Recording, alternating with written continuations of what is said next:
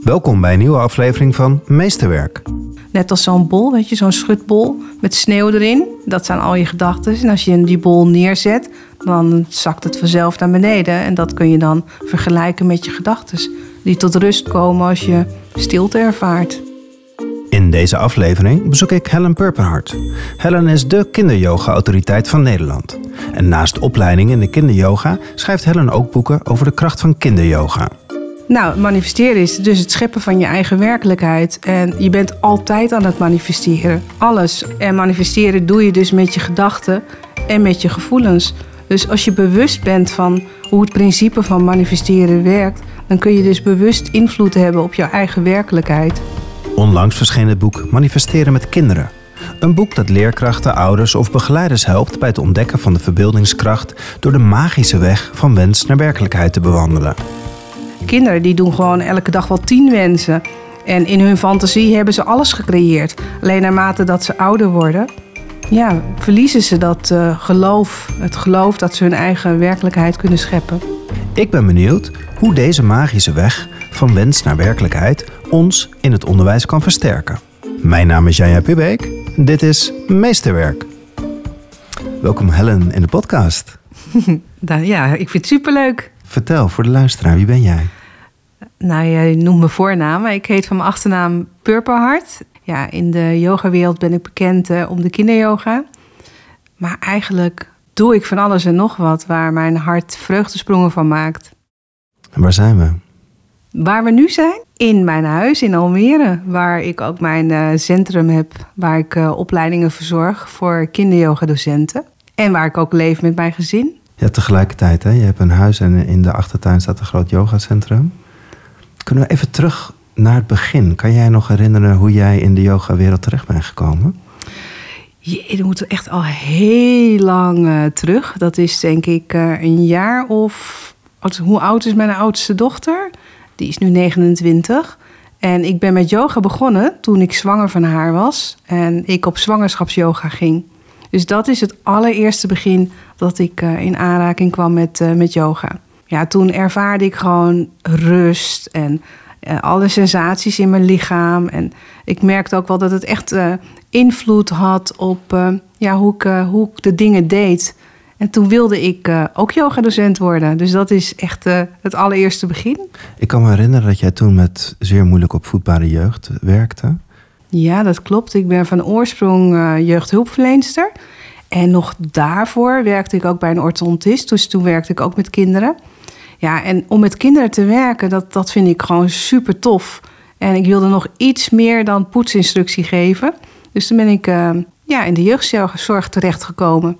En dat heette toen Altra College in Amsterdam. Ik ben, eerst ben ik een soort van maatschappijlessen gaan geven. Maar omdat ik uh, tegelijkertijd ook een yogaopleiding volgde. En me ben gaan specialiseren in kinderyoga. Ja, ben ik eigenlijk een beetje yoga gaan uitproberen met ze. En dat, dat sloeg aan. Wat gebeurde er? Ik merkte sowieso dat, dat ze op een andere manier met elkaar omgingen. Want we deden ook uh, ja, soort massage dingen en ook samenspeloefeningen waarbij ze echt uh, rekening met elkaar moesten houden en overleggen. Dus dat waren ze niet uh, gewend. En dat maakte ook dat ze zich meer verbonden met elkaar voelden. En toen kwam het op het rooster. En toen ben ik daar gewoon elke week yoga met ze gaan doen.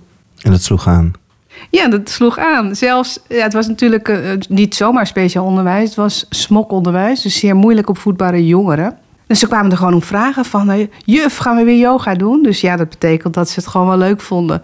Kijk, de allereerste les kan ik me nog herinneren... dat ze gewoon hun muts aanhielden of hun schoenen aanhielden.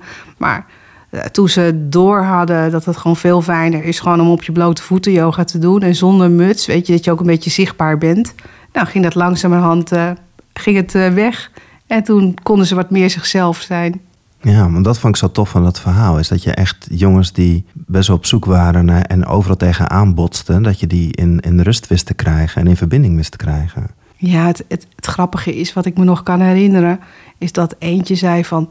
Oh juf, het is nu net alsof ik een joint heb gerookt.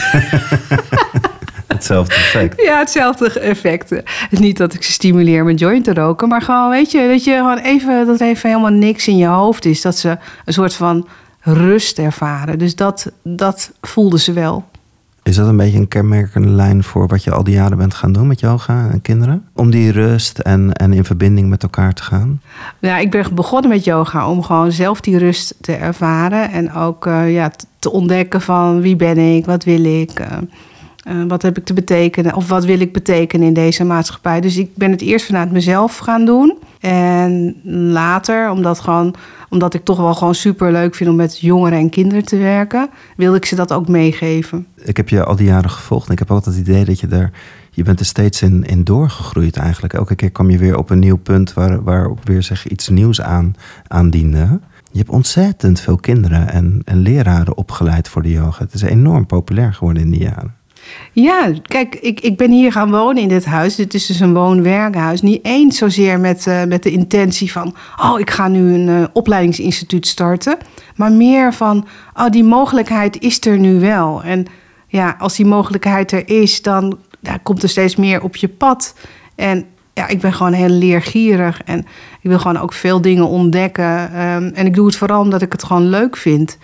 En ik vind het ook leuk om weer andere mensen daarmee te inspireren met de kennis die ik zelf heb opgedaan. Wat ligt er tussen ons in? Ja, mijn nieuwe boek. Ja?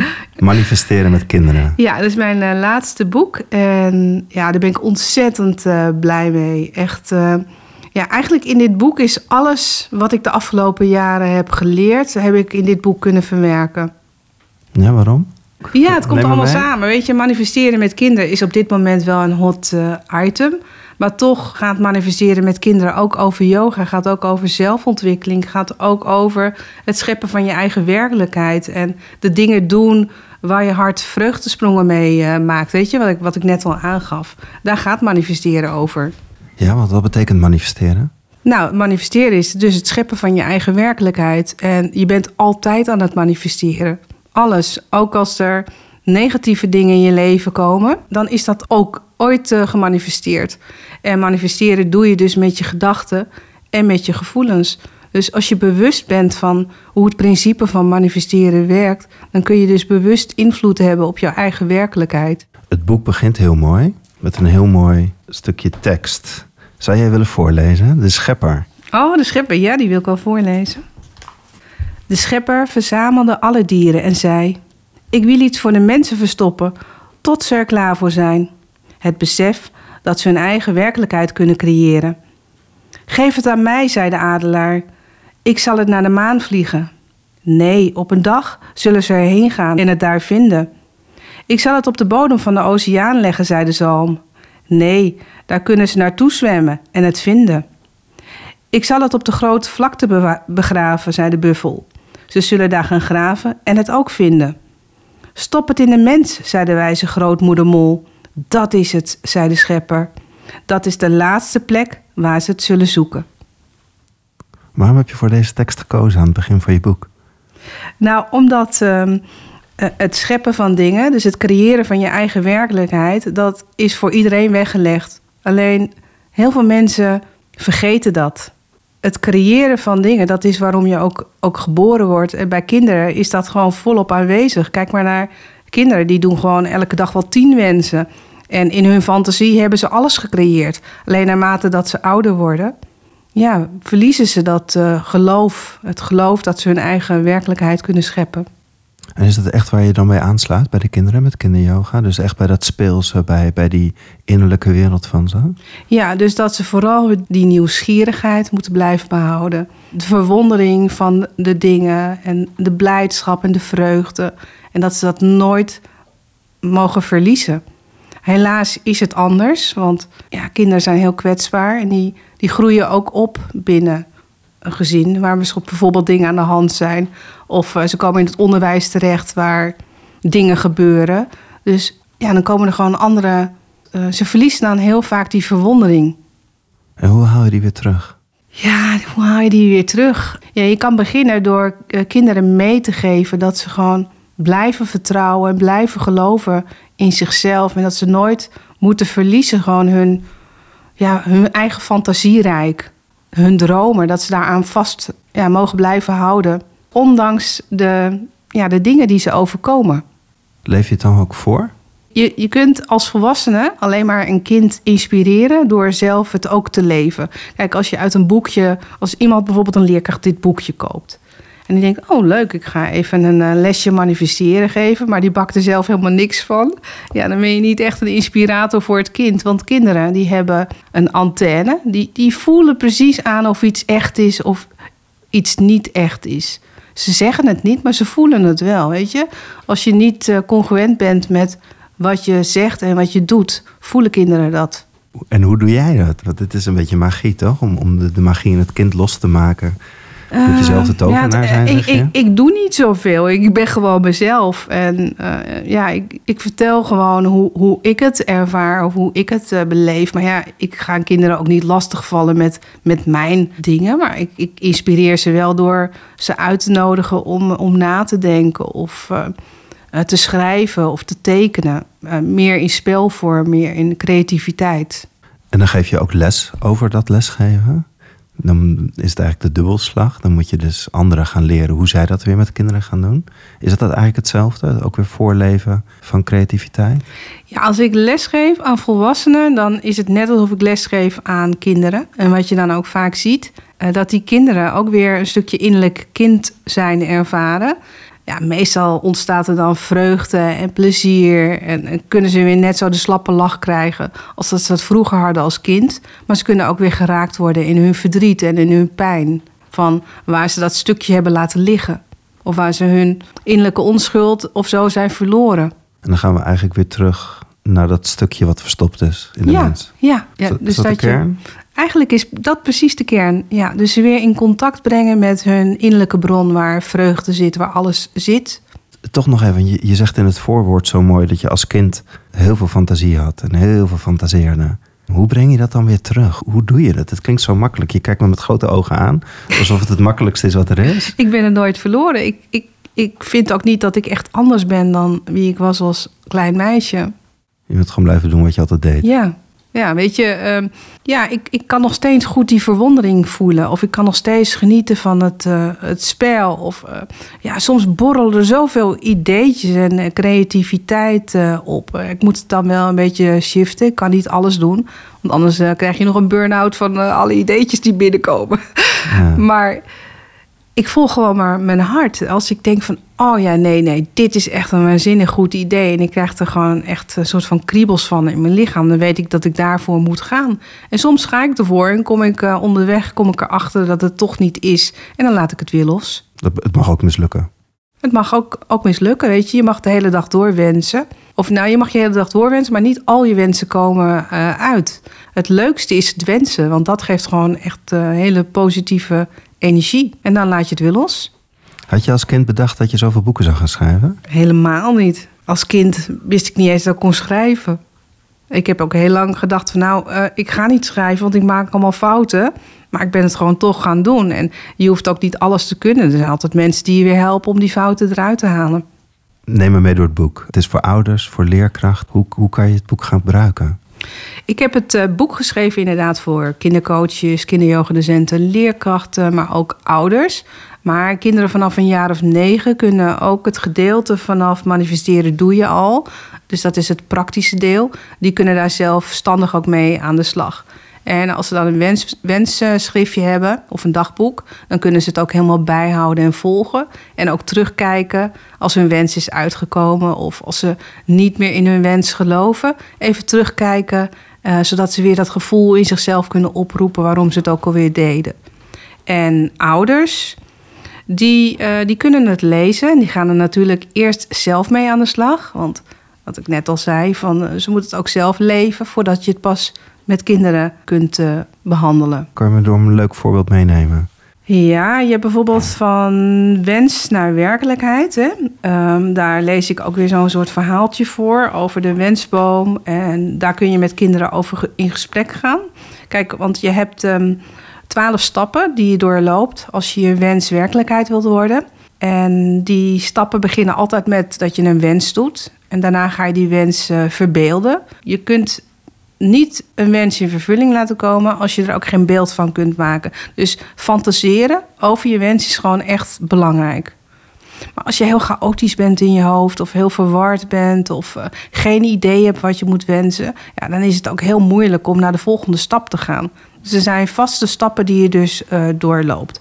Nou, en bij elke stap, ik heb die twaalf stappen ook uitgewerkt uh, in het boek, heb ik dus ja, een, een creatieve opdracht of een emotiegerichte opdracht en vragen.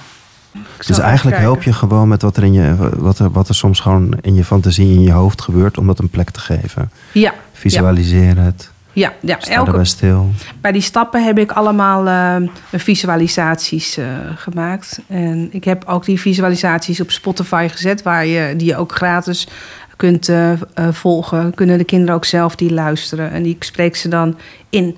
Kijk, bij maak een plan bijvoorbeeld, dat is de zesde stap gaan kinderen ook echt een manifestatiepad maken. Dus op briefjes schrijven ze hun pad en wat ze allemaal al voor stappen hebben uh, gemaakt. Ik geef ook tip van hoe, wat je kan onderzoeken voor je wens. Of uh, ja, ook geloof is een hele belangrijke stap voor je wens. Want als je het zelf nog niet helemaal gelooft, weet je, als je twijfelt, ja, hoe, hoe, hoe kan je wens dan uitkomen? Dus je moet echt goed ja, zelfvertrouwen hebben en geloven in je wens. En daar help ik ze mee met uh, het schrijven van een toverspreuk. En een toverspreuk is een affirmatie. En die ze dan herhalen. En als je heel vaak die affirmatie herhaalt, en dan wordt het in je systeem uh, opgenomen. En dan ga je het ook steeds meer geloven. En je geeft eigenlijk ook gewoon een plek. Het is er. Wat, Ja. je, wat je van binnen denkt of voelt, dat mag er zijn. Ja, ja. Wat, wat zie je gebeuren? Nou, het, het, wordt, het wordt tastbaarder, het wordt ook eh, eh, concreter. En eh, ze kunnen ook makkelijker hun wens eh, volgen en, en zien in welke stap van het creatieproces ze zitten. Maar het be- allerbelangrijkste van wat ik ze mee wil geven in het boek, is dat ze bewust zijn van hun gedachten. Want zelfs een gedachte als van.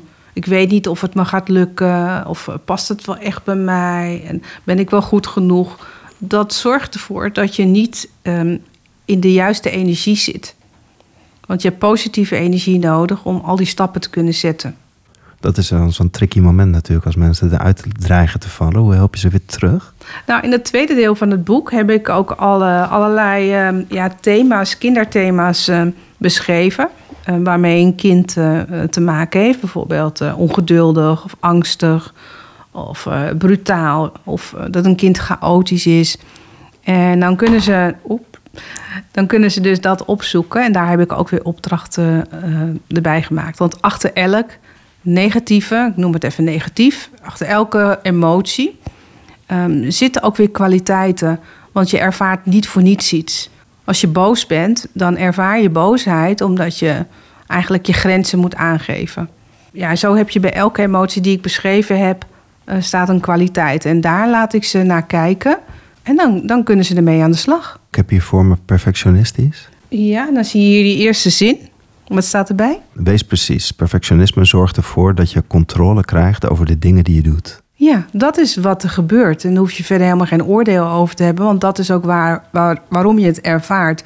Alleen het wordt pas een probleem als volwassenen zeggen van uh, dat je te precies, precies bent of zo. Of juist van je verwachten dat je heel precies moet zijn. Ja, ja. En wat voor oefeningen heb je er dan bij? Je kan bijvoorbeeld uh, een keer een kleurplaat inkleuren en dan buiten de lijntjes gaan kleuren. Dat is ook gewoon een heel mooi, mooi metafoor. Dat is de opdracht. Of, dat is de opdracht, maar je kan ook het tegenovergestelde doen. Dus dat je gewoon echt heel precies doet. En dan kan het kind ervaren van wat voelt fijner om gewoon buiten de lijntjes te kleuren of juist om het heel precies te doen. Maar ik zie nu ook meteen een kind dat totaal ontspoort zodra die buiten de lijntjes gaat, gaat kleuren. Maar die is dan waarschijnlijk niet Pietje precies. Want een kind wat Pietje precies is, die heeft moeite om buiten de lijntjes te kleuren. Nou, dat bedoel ik. Dus Ja. die ontspoort, die raakt in paniek. Je moet het wel in spelvorm aanbieden. En niet als een opdracht. Ga jij nu eens even buiten de lijntjes nee, dat kleuren. snap ik. Nee, maar da- dan, en dan wordt het spannend en dan? Dan, dan raak je die emotie, dan heb je, heb je een oefening. En hoe help je dan een kind Eh, eh, daarmee om te gaan? Want dan kan je ook weer zelf verder als kind, Ja. denk ik. Ja, ik denk dat als je naar een emotie raakt, dat het juist heel goed is. Want dan kan het kind ook ontladen. En dan is het belangrijk dat je die emotie niet tegenhoudt. Het mag er zijn. Het mag, zijn. En ook als een kind huilt of eh, als een kind even boos wordt, dan kun je het kind leren om dat eh, in een veilige setting eh, te uiten en de energie gewoon los te laten. Want een emotie blijft vaak maar misschien een minuutje hangen of zo. En als je hem gewoon helemaal toelaat, dan is dat ook alweer voorbij. Kijk maar naar een kind die in een supermarkt bijvoorbeeld heel boos wordt omdat hij niet iets krijgt. Kijk, het wordt pas een probleem als je gewoon daar een heel ding van maakt. Maar als je het kind even op de grond laat rollen, ook al vind je dat niet leuk, dan is het, is het zo weg. Met wat voor vragen komen mensen naar jou toe? Want met, ik kan me voorstellen, dit, dit is best lastig. Ook met kinderen in het onderwijs, daar worden dingen van verwacht. En het kind loopt tegen zichzelf aan, of frustratie, of die leerkracht misschien wel met het kind. Wanneer komen mensen naar jou toe om, om hier iets mee te gaan willen? Ja, eh, ik, ik ga gewoon met ze een, een, de stappen doorlopen van van, tijdens mijn workshop. Bijvoorbeeld, ehm, eh, ze willen een, succesvolle kinderyoga-praktijk of een kindercoachpraktijk uh, starten. Maar weten niet hoe of, of twijfelen over, over zichzelf. Of, nou, dan kan je ook die stappen volgen van de creatiespiraal. En dan bij elke stap kun je ervaren en voelen van... hé, hey, welke emotie het kan zijn dat je onzekerheid voelt. En dan ga ik oefeningen doen om die onzekerheid eh, toe te laten. Of om te kijken van, hé, wat staat er tegenover onzekerheid? Want elke emotie komt altijd voor in paren. Bijvoorbeeld boos en machteloos. Dat zijn twee tegengestelde emoties. Bij boosheid wil het zeggen van, geef je grens aan. En bij machteloosheid betekent, beweeg gewoon mee in de situatie. Want je kan er niet tegen vechten. Dus dat heeft, elke emotie die hier ook hier in mijn boek zit, heeft altijd een tegenstelling. Dus eigenlijk precies dezelfde oefening, alleen maar bij volwassenen, alleen in hun context. Ja, in hun context. En vaak is de emotie, geeft aan waar je aan mag werken. Of uh, welke kant je op gaat bewegen. Of welke beslissing je gaat nemen. Het lijkt me ook best wel kwetsbaar. Met, met, je werkt met volwassenen die, die wat verder in het leven zijn. En die, die komen met al hun emoties langs. En je roept ze eigenlijk ook nog op. Ja, dat is toch goed? Ja. En dat hoe blijf jij dan heel, heel kijk, autonoom tussen staan? Kijk, ik, ik, roep toch ook op als ik gewoon met ze ga lachen, roep ik toch ook de emotie blijdschap op. Dus uh, ja, waarom niet de emotie boosheid of angst of zo, weet je? Uh, als je daar niks mee doet, dan blijft het altijd maar ergens opgeslagen in je, in je lichaam. En dan wordt die op een ander moment wel opgeroepen en dan heb je hem helemaal niet in de hand. En nu tijdens mijn cursus in een veilige setting wordt het opgeroepen en kun je er gewoon mee aan de slag. En is dat gewoon ook weer voorbij.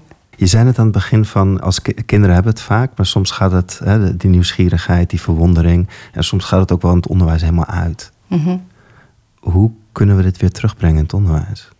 Ik vind het zo belangrijk, hè, wat je net zegt, je emotie en je dromen die je hebt en wat je wil, wil bereiken. En tegelijkertijd maken we het vaak stuk op school. Ja, ik denk uh, dat dat alleen maar kan door gepassioneerde onderwijzers voor de klas te zetten. Die echt uh, liefde voelen voor hun vak. En ook echt kinderen verder kunnen helpen. En niet alleen kijken naar de cijfertjes en de toetsen, denk ik. En, en uh, dat de leerkracht gewoon authentiek is, zichzelf is, een missie heeft. Ja, hoe haal je dat terug? Ik denk dat uh, misschien wel manifesteren een vak op de PABO mag worden. Of uh, dat er zelfontwikkeling of bewustzijn bij de studenten meegegeven wordt. Dat denk ik. Maar gelukkig gebeurt er best wel veel ook op dat gebied. Ik zie heel veel leerkrachten bij mij in, in de opleiding. Dus ze zoeken het zelf wel, die leerkrachten die authentiek willen zijn. Wat zoeken ze dan? Nou, ze voelen toch dat, er een, dat ze uh, op een andere manier um, les willen geven. Of op een andere manier in contact willen komen met, uh, met kinderen. En dan doen ze bij mij de opleiding ja, dan kan het zijn dat ze dus in hun eigen praktijk dat gaan doen. Maar heel veel leerkrachten die gebruiken ook wel oefeningetjes tussen de lessen door. Bijvoorbeeld je nek stretchen of alles losschudden aan het eind van de dag voordat de kinderen naar huis gaan. Of starten met een uh, beginritueel en uh, oefeningen op de stoel. Dus dat zie ik wel steeds meer. Uh, in je lijf komen eigenlijk, hè? Gewoon ja. Dat je in je lijf bent, niet alleen maar je hoofd aan hebben maar echt in je lijf mogen zijn. Ja, want dat, dat doen ze natuurlijk wel bij gymnastiek. Maar het grote verschil tussen, tussen yoga... en je hoeft het ook niet eens yoga te noemen... want het gaat over bewust bewegen... of uh, het lichaamsbewustzijn vergroten. Uh, het verschil dus tussen gymnastiek en, en, en dat... is dat je voelt, dat je registreert in je lichaam... dat na het schudden van je handen... dat je sensaties voelt... of dat, dat je merkt dat je na het stilzitten, dat je gedachten omlaag zijn gezakt. Net als zo'n bol, weet je, zo'n schutbol met sneeuw erin.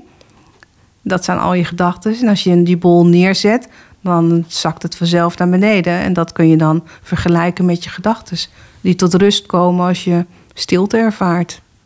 Even voor die, voor die, voor die leraar. Zit je me nou uit te lachen? Nee, nee, ik vind het heel mooi. Ik vind het een mooie metafoor. Maar dat is volgens mij ook wat je de hele tijd doet. Je nodigt de Ja. hele tijd uit om de bol te schudden of de, sneeuwvlokjes te laten landen. Ik werk gewoon heel beeldend, heel... Ik heb ook zo'n Hoberman-sfeer. Dat is zo'n, zo'n, zo'n...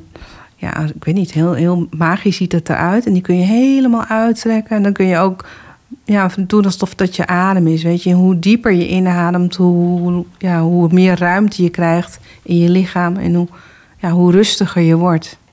Hoe wil je dat de, dat de lezer het bo- het boek gebruikt?